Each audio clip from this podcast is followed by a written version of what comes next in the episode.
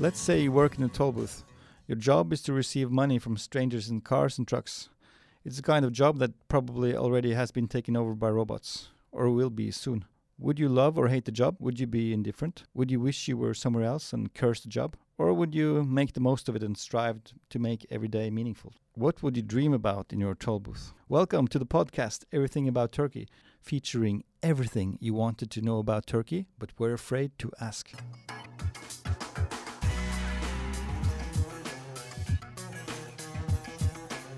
Recently, I saw a movie called Toll Booth by Turkish director Tolga Karacelik. The movie was made back in 2010 but recently screened at the Film from South Festival in Oslo, Norway. Toll Booth was uh, Tolga Karacelik's debut film. Later, he made Ivy in 2015, and this year he made his third picture, Butterflies, that fetched him the jury prize at the Sundance Film Festival. Toll Booth is a beautiful and disturbing black comedy about an isolated and absent minded young man Kenan, played extremely well by Serkan Ercan. Kenan is more or less a hermit. He lives with his father, who is basically responsible for Kenan's childhood trauma, something that apparently holds him back from taking charge of his life. The turning point comes when Kenan, due to a combination of crushing daily stress and his inner demons, is unable to perform his job at the toll booth. Kenan gets reassigned to a toll booth in a remote countryside with only a few cars passing by every day. But even here, in almost total desolation, Kenan finds work extremely difficult to cope with, especially when a sexy woman appears and asks if he can repair her engine. Switching back and forth between the beaten down city and the open countryside, the film blends reality, dream, daydream, and fantasy. The actors are amazing and the photography is excellent, although the script comes across as a bit sloppy. I mentioned that the director Karacelik was here in Oslo. Here's a recording I made at the post-screening Q&A with an open mic where the Turkish director took questions from the audience. In my humble opinion, Karacelik appears to be somewhat casual with facts. I wanted to double check some of the stuff he said, for example, his claim about being on a blacklist. So the next day I was granted an interview, but just one hour before our appointment, a spokesperson for the film festival called me and said that Karacelik had to cancel. Because? He had fallen. What? That's strange. How did that happen? Well, they wouldn't tell me. Anyway, here's the Q&A in Oslo with Turkish director Tolga Karacelik. Enjoy. I think I got more questions to ask you than you, uh, I have answered that you can Yeah, that might be. Uh, I don't know uh, if any of you have any questions, just please uh, raise your hands. Um, I, I, can start. Uh, I'm very curious how or how did you end up making a film about uh, Kenan? Like where does this character come from? Well, you know, this the first films are always about the director and writer always, usually. Well, in my case it is actually. Because I was working in a job, 8 to 6, and I was feeling like I was living in a box, my house, then getting in another box, the car, then going to this cubicle, which is the box, and repeating same thing over and over again in my life. And once I was in this uh, crossing the bridge at that time, there were toll booths on the bridge, and I told the guy, "I hope it's easier for you." We have a saying in Turkish. I don't have a translation word to word in any other language, but like it's like we say it, kolay gelsin, we say it. So, and he looked at it's a normal thing. Like you see someone filling the place and say, "I hope it's easy for you," and uh, he looked at me like I had cursed it, and then it's made me think about why he looked at me like it was was that look meant that it was a, really a tough job like if you think that it can be easy come and do it yourself? Or then I realized it was not that. It was like I took him from being a machine. He could do this thing by being a machine and I just because of the need of the because he has to answer to me he had become human again. So he had to force himself to lose that side of him and again become a machine to continue the day. That's exactly how I felt. So I was bored. I was trying to get out of my own toll booth. So, and this is my getting out of my toll booth. So it was Kenan is actually my middle name is Kenan. My real name is Kenan Tolga. Kenan Karacelik is my name. So this is actually my story of working and that business that I was doing was a family business. I was working with my father, so. so I guess your father was not too happy about. Well, he loved the story. I don't know why. He always liked this film. My mom was always surprised why she, he liked this film, but he's a nice guy though. I like him a lot, but like, I think I have problems with this being a man issue. It's definitely an interesting father character in the film as well. Um, again, just raise your hands if uh, if you have any questions. Um, Did you like the film? Yes.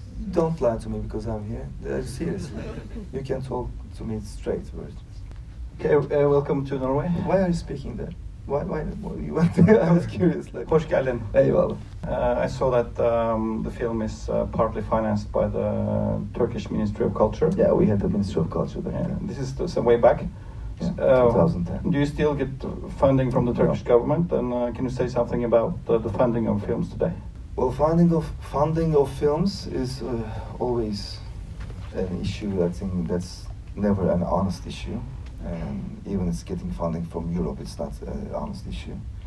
Uh, but funding in Turkey is right now really, really something that can be, like said, lots of bad things about because like I'm blacklisted like in Turkey right now and because of my political views and last film that I shot, Butterflies, I was not get, I didn't get any funding. And well, we were talking with actually the director of my friend here tonight, and like I told about this to a newspaper. I said, but we find a way to shoot films anyways. Like it's all we need is a story and the way to shoot it. We had suffered worse times in the history of arts as artists like I don't think it's uh, Inquisition times were much more better than these times. So it's like we find a way. Yeah, I believe that, uh, especially filmmakers always finds a way because like we find to not to lose location. We find with actors this is a really huge issue. Also, we fight with uh, all the aspects to make a film come together. So it is. We will find a way to continue. So.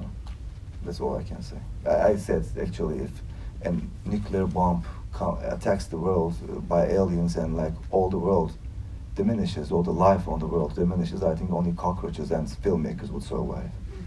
We would find definitely find a way. Scorpions, actually. I don't bet on scorpions. I know they're really badass. Yeah, I just had a question about. Uh, you said uh, you had uh, an issue with uh, being a man. Men issues, yes. Yeah, so I was wondering how is that in Turkey compared to, for example, uh, Western Europe or? I never grew up in Western Europe. I can only tell about my own traumas, and everyone should speak about their own traumas. so uh, my trauma was like I never had. It was strange. Like I always wanted. I always had felt that all my friends had learned before me how to react to issues. Reaction and the fastness of reaction defies the man you should speak aloud, you should do this thing at the right exact moment when they, it hits you. So I never had that. I always had the empathy. And growing up with empathy and is a hard thing also. Like when people are really hard on you and you have empathy about that also. Like I understand you. Was strange. So uh, it's also the Kenan's quietness is because of that. So, so it was about that you talked about sort of the, the toll booth as sort of the cubicle, the uh, as a confined space, and also sort of symbolically. Uh, was that something that came to you right away? Was that the idea from the start that it was going to be a toll booth, or or how was the process of finding that as the location? No, it's it came with me about the as as in the process. I was writing about it, but I was writing about different parts of being a man being stuck. And uh, the thing is, when I had this, I wrote, I wrote a poem about it. I always write first poetry about the thing that I'm going to shoot, and then I send it to the syndicate of toll booth workers. My friends really made fun of me about this so much, so I don't care how much laugh you will have right now, so I don't care. And uh, then I said, I will be shooting this film, either you help me or not. Then they called me and said, was really like a movie scene actually, but it's a long story. So they called me and said, "Why do you want to shoot this?" And I told you the story that I told you right now. And exactly the the head of the syndicate had the same thing with his nephew. His nephew knocked his door and said, Uncle, do we have a fight? Like, why don't you accept my hellos and goodbyes? And he says, what do you mean? Like, he was passing through his toll booth that way three times, and he said, uh, "Have a nice work. Like, how are you?" And he didn't answer at all. And so he thought they had a fight. So they let me work as a toll booth guy for a month. I worked literally as a toll booth guy. I did shifts of eight hours in the, in this uh, toll booth called Çamlıca, uh, illegally of course, and I stayed there for three months to get the idea of the. And I realized that I was totally wrong about my first idea, because the the, the really thing that really defines these people is the unsatisfaction of completing a job. You never complete a job. I thought it was doing the same thing over and over again. That really puzzled their minds, but it was not that. It was like you do a job, there are like 15 cars in front of you. You leave the job, there are 15 cars in front It's of you. never ending. It's never ending, and you're never satisfied of doing it. You do something, you close it, and then you start something else. In their lives, it's unsatisfactory work. It's like that is most of the things, and also the carbon dioxide. EU doesn't let even cucumbers grow next to the highways to be sold. These guys are working there like eight hours a day. I could smell which was diesel, which was unleaded, which was really super fuel oil. Like while I was working there, and like how much you clean yourself, it's still the smell doesn't go. Uh, so to answer your question that you asked earlier, I really did like the film. So, and Thank not you. just because you're here. Um, uh, I have actually two questions. Is that allowed? Okay. Um, well, firstly, I was I saw your movie Ivy last night, um, and there was also very much dealing with men trapped in spaces and with very psychological, very visual kind of psychological um, the, the internal world's coming out um, to the outside. Is this? I haven't seen your latest film, but is this something that you continue to explore thematically? Um, this notion of being trapped and No, no. After Ivy, I was done with man issues. Shooting a film with six guys stuck in a ship. It's the, the film is about that. For 150 days, I promised myself never to work with male actors anymore. so it was like finished, and uh, actually after this film, I wrote Butterflies first. After losing my uncle, and Ivy started because of this authority trying to get into my even bedroom. This with this Tayyip Erdogan regime that we have in Turkey right now, the authoritarian regime, trying to become more and more. So that was my way of fighting with the way that I see Turkish politics. So uh, that's why I shot Ivy. That was just I finished shooting it, and I think it's premiered, and then Gezi protest actually started. So uh, it was. Remember in the film that Cenk says, "You called me son of a bitch, and I will hit you like son of a bitch." That was my way of being son of a bitch, and the way only that I know how to hit. So that's why I shot Ivy. So this, uh, the, the third film is uh, really about losing my uncle, and it is uh, about kind of like death. It's a comedy, by the way. So the third film is called Butterflies, which is a comedy. I always tell that this was supposed to be a comedy, but I'm not a funny person, so this is how it ended up being a strange film. Yeah, uh, well, I definitely want to check it, uh, check out Butterflies. Um, my other question is very specific to this film. I don't know if it's kind of a spoilery question or whatever, but I, to me, to my eyes, I saw the father breathing Yeah. at the end. So he is alive, and that Yes. because that changes everything. Yeah, Okay. he's still so. I want him to be in the limbo. So all the pieces are falling together. What's the significance of the meteorite? It is for me. It is because like uh, all in all my films, all the characters are smoking meteorite cigarettes.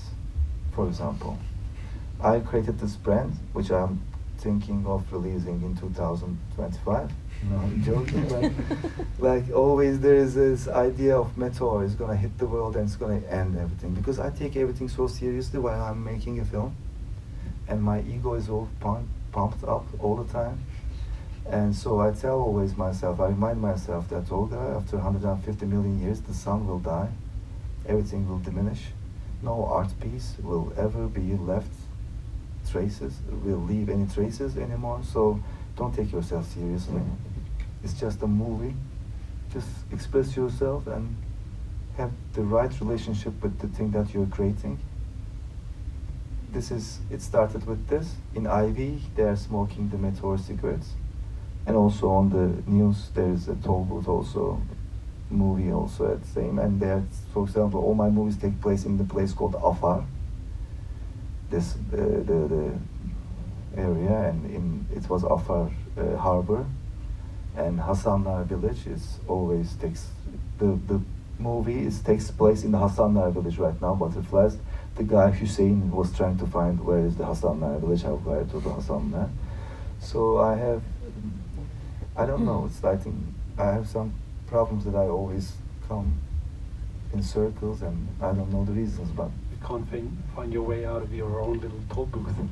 yeah maybe I don't know but it was the start and I'm still I well I watched the last 15 minutes of it I think I'm still in the same place so seriously honestly I will say something totally honest like I when I'm watching it I'm having I'm sweating. Seriously because like it is I think yeah it's like someone else had shot this and uh, the Finnish I think have a word called myötähäpeä like being uh, ashamed for someone else. I, I I I don't know. It's like so so it's sincere film. I, I think I, think it's really sincere film. Like yeah, I know this guy and it's, he was like this while he was shooting and he's still like this while he's shot, sh- shooting but the, it's theirs too much as the first film and like sometimes he pulls it off sometimes he can't pull it off and I sweat when I'm watching these films a lot seriously